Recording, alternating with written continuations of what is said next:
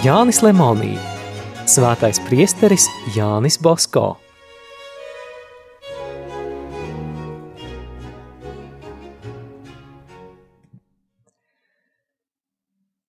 Nespēdami priesteri uzvarēt ne ar vārdiem, ne rakstiem, protestanti sāka draudēt. Kādu dienu oratorijā ieradās Amadeo Berts un draudēdams pieprasīja, lai priesteris Bosko vairs nepublicētu presē līdzīgus rakstus. Priesteris Bosko arī viņu ļoti laipni pieņēma, bet paziņoja, ka tādu viņa lūgumu gan nevarot izpildīt. Tajā pašā dienā viņš sāka rakstīt komēdiju Advokāta saruna ar protestantu ministru. To vairākas reizes izrādīja oratorijā, bet vēlāk lugu nodrukāja. Tāda priesteri Bosko drosme protestantus biedēja un kaitināja. Aizbāzīsim viņam muti ar zeltu, ieteica kāds viņu padomes loceklis. 1853. gadā, kādā augusta svētdienā, oratorijā ieradās divi kungi un lūdza vārtu sargu pasaukt priesteri Bosko. Jānis Bosko vēl bija baznīcā. Izlasījis vizītkartes, viņš lika abus kungus ievest istabā. Lielākajiem audzēkņiem tas likās aizdomīgi. Viņi klusu nostājās pie Jāņa Bosko durvīm. Ienākuši un sasveicinājušies, abi kungi nolika uz galda lielu aploksni, pilnu ar simtniekiem. Viņi cildināja priestera spējas un visbeidzot bez kādas kautrības pieprasīja, lai viņš pārtrauktu izdot katoļu vēstis. Priesteris Bosko noteikti atsacījās pieņemt nenopelnīto naudu un paskaidroja, ka viņš esot katoļu baznīcas priesteris un tāpēc nepazīstot tādu savas sirdsapziņas nodevību. Jūs izturaties neapdomīgi, viens no ciemiņiem pielēcis kājās sauca. Jūs izturaties ļauni un mūs apvainojat. Vai jums tagad nebūs bailes iziet no mājas? Redzu, Jānis Basko atteica, ka jūs, godājamie kungi, nezināt, kas ir katoļu priesteris, jo tad jūs sevi nepazeminātu ar tādiem draudiem. Tad ziniet, kungi, katoļu priesteris, kamēr ir dzīvs, labprāt veids pienākumus, kurus viņam Dievs uzdevis, un, ja kādreiz viņam augstā pienākuma dēļ jāziedo sava dzīvība, viņš tādu upuri uzskata par lielāko laimi. Tāpēc nevaru ievērot netaisnīgās un nelikumīgās kungu prasības. Es par tām tikai smējos. Neaicinātie viesi, vīstīdami dūres, metās viņam virsū. Priesteris Bosko paķēra kādu krēslu, ar ko aizsargāties, un asi sacīja: Ja es gribētu lietot spēku, tad jūs, kundziņi, redzētu, ko nozīmē apdraudēt brīvu pilsoni un iebrukt neaicinātiem viņa namā. Tomēr priestera varai un spējām nav jāizpaužas ķildā un atriebē, bet pacietībā un piedošanā, tādēļ mums ir laiks beigt, lūdzu, ejiet. Un neizlaizdams krēslu no rokām, viņš atvēra durvis, aiz kurām stāvēja divi 18 gadus veci jaunekļi, Buzetī un Kaljēro. Pavadiet šos kungus līdz vārtiem, priesteris Boskautiem lūdza, divatā viņi var nomaldīties. Ļaundari aiziedami norūca: Gan redzēsimies citur! Mēs redzējām tikai vienu protestantu uzbrukumu priesterim Bosko. Tādi bija vairāki, vēl viltīgāki un negodīgāki. Ja no tiem priesteris Bosko izvairījās pilnīgi neskarts, tad paldies jāsaka vienīgi dieva brīnišķīgajai gādībai.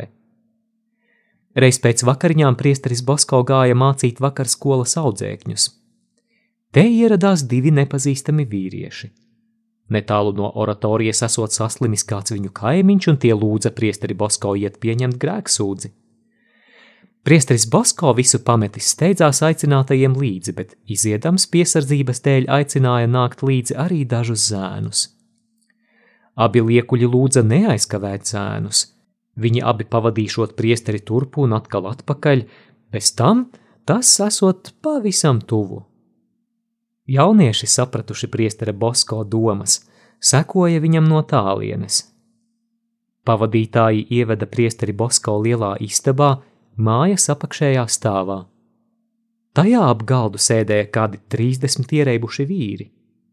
Tie dzēra vīnu un ēda kastaņus.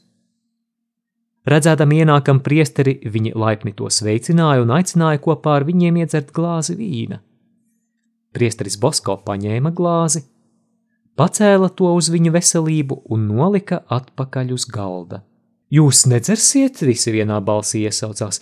Mēs neatļausim jums mūs tā apvainot, ja negribat dzert ar labu, mēs lietini ieliesim.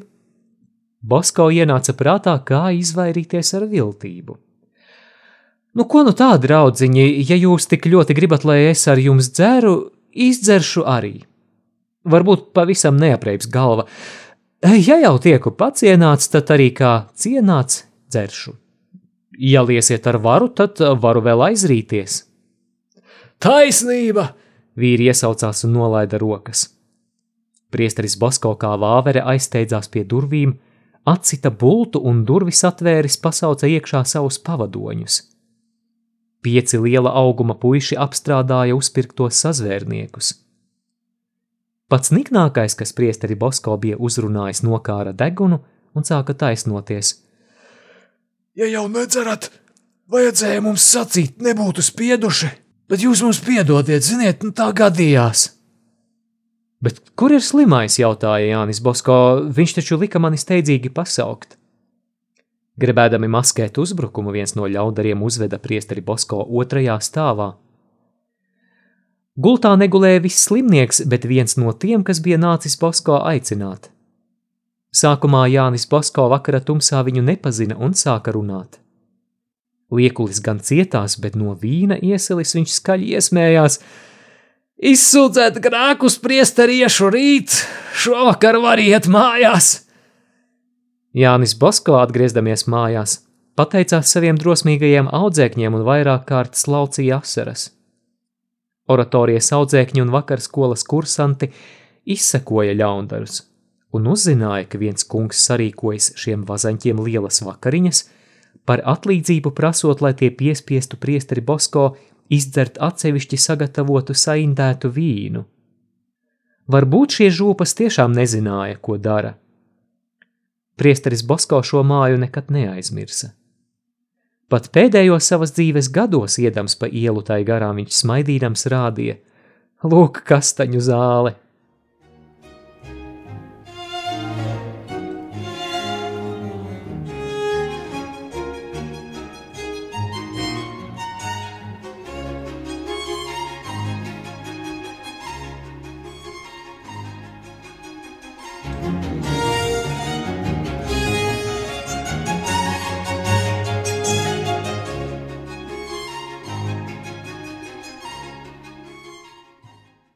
Kādu citu vakaru Jānis Bosko ar bērnu bariņu stāvēja oratorijas pagalmā pie dzelzs svārtiņiem līdzās kāpnēm.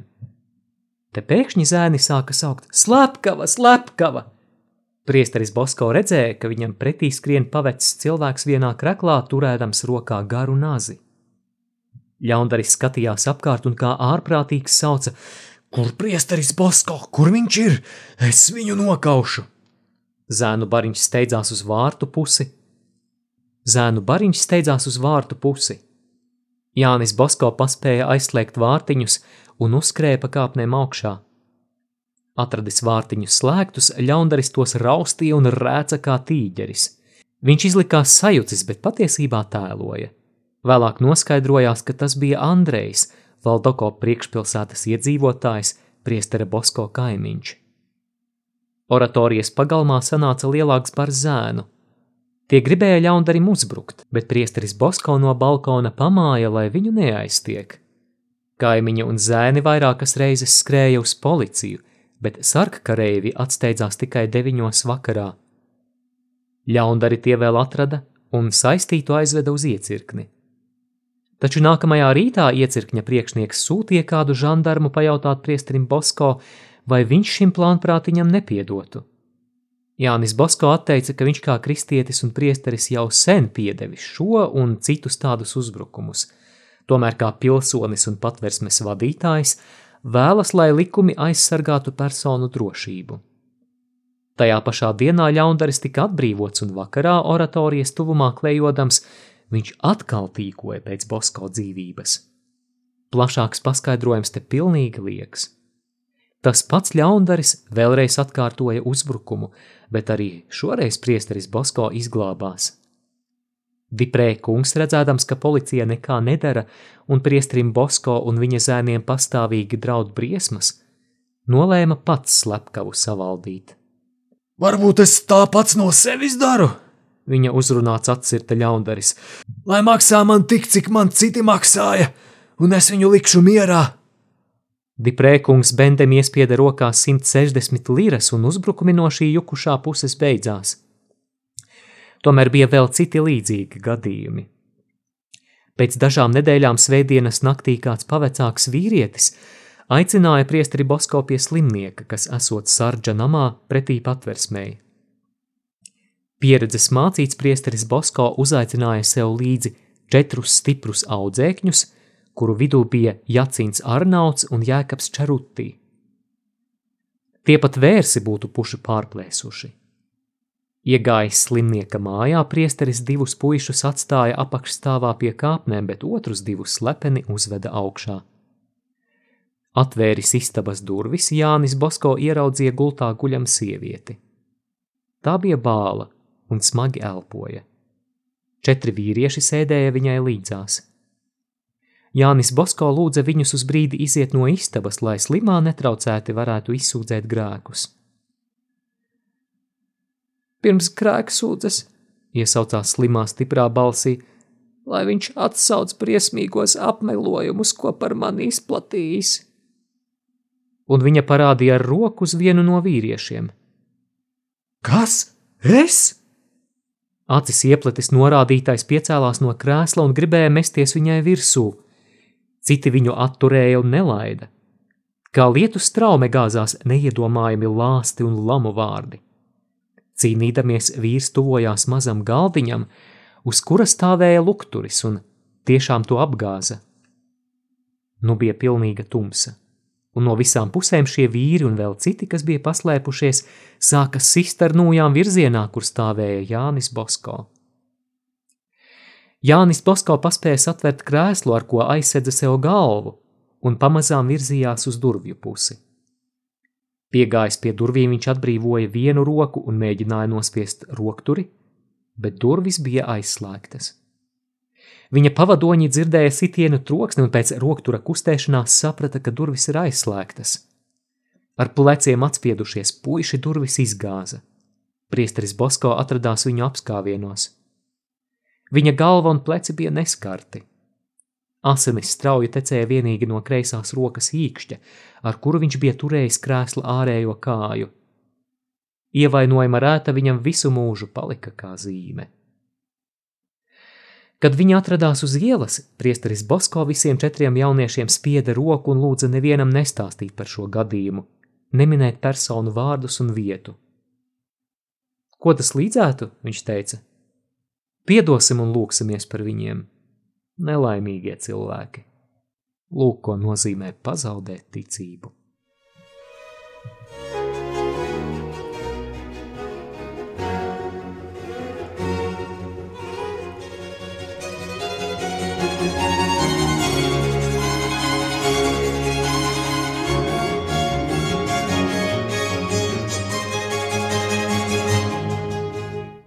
1854. gada sākumā atkal kādā svētdienas pievakarē oratorijā ieradās divi labi ģērbušies kungi.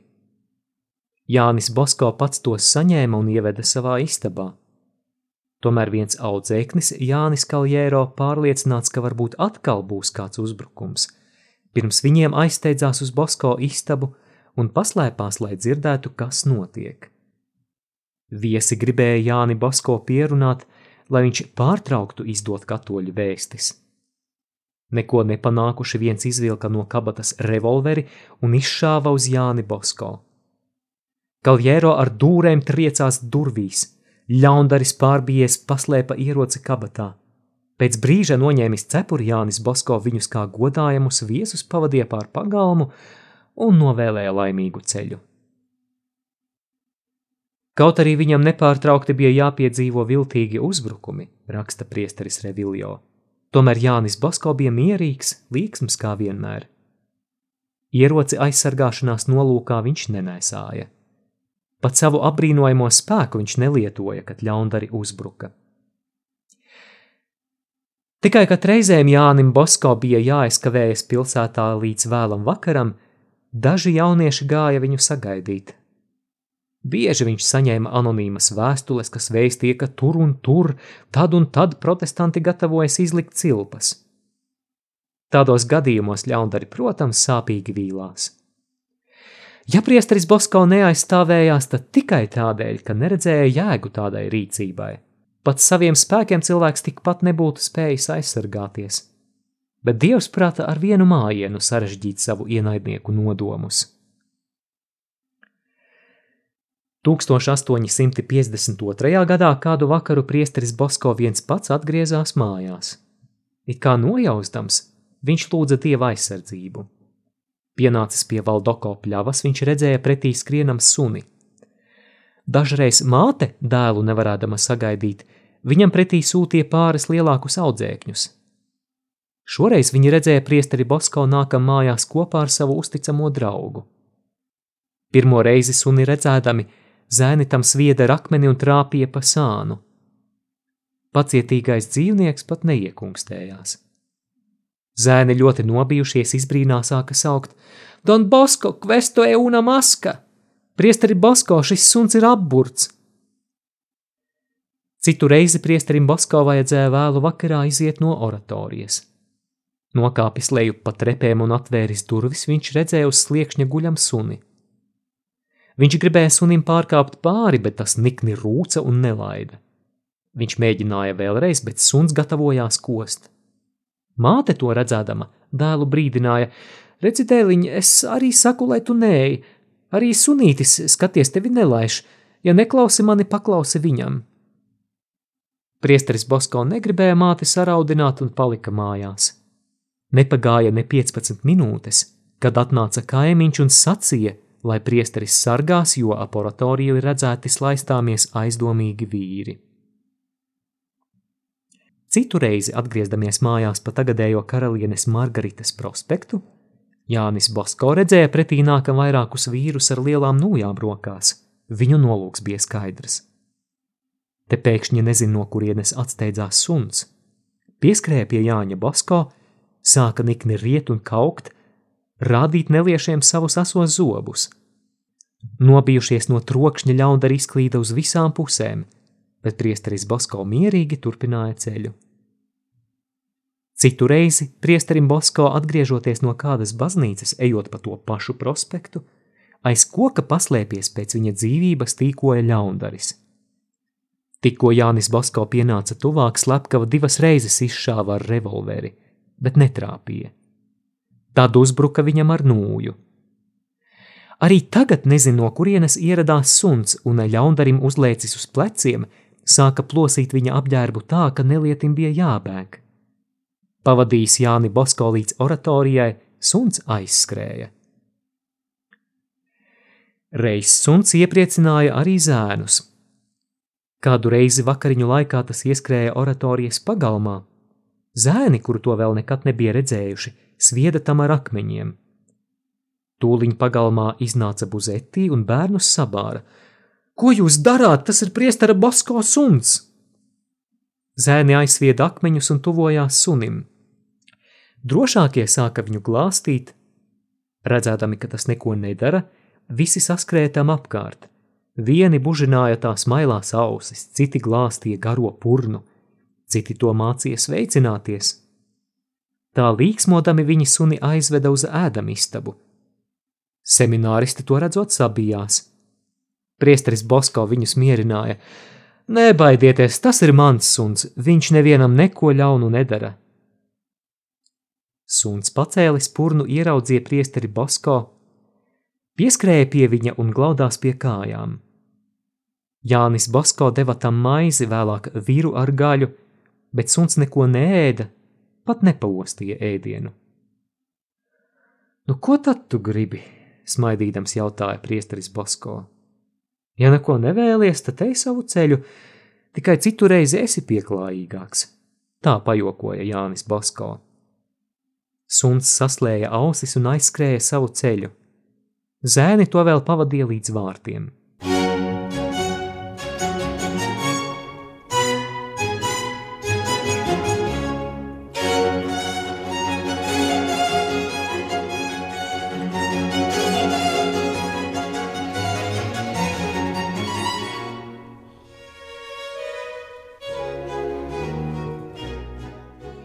Trešo reizi suns izglāba priesteri 1854. gada novembrī.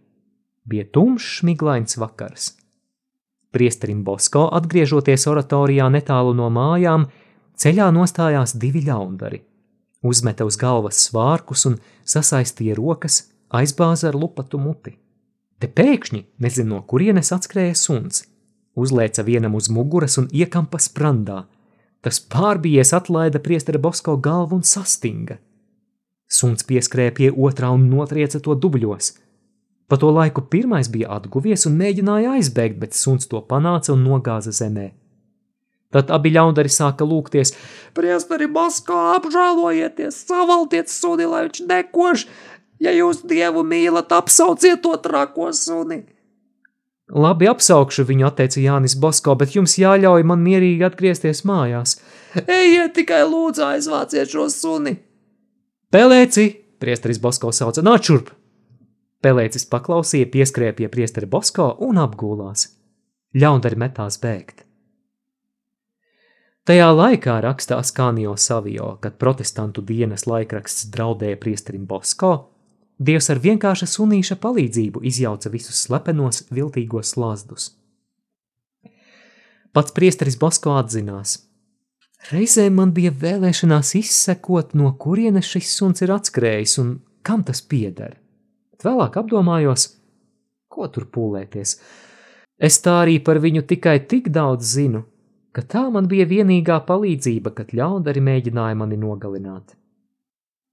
Suns Jānim Basko parādījās vēl dažas reizes, dažreiz pat ārpus Turīnas. Izskanēja lasījums no Jāņa Lemonija grāmatas Svētais priesteris Jānis Basko.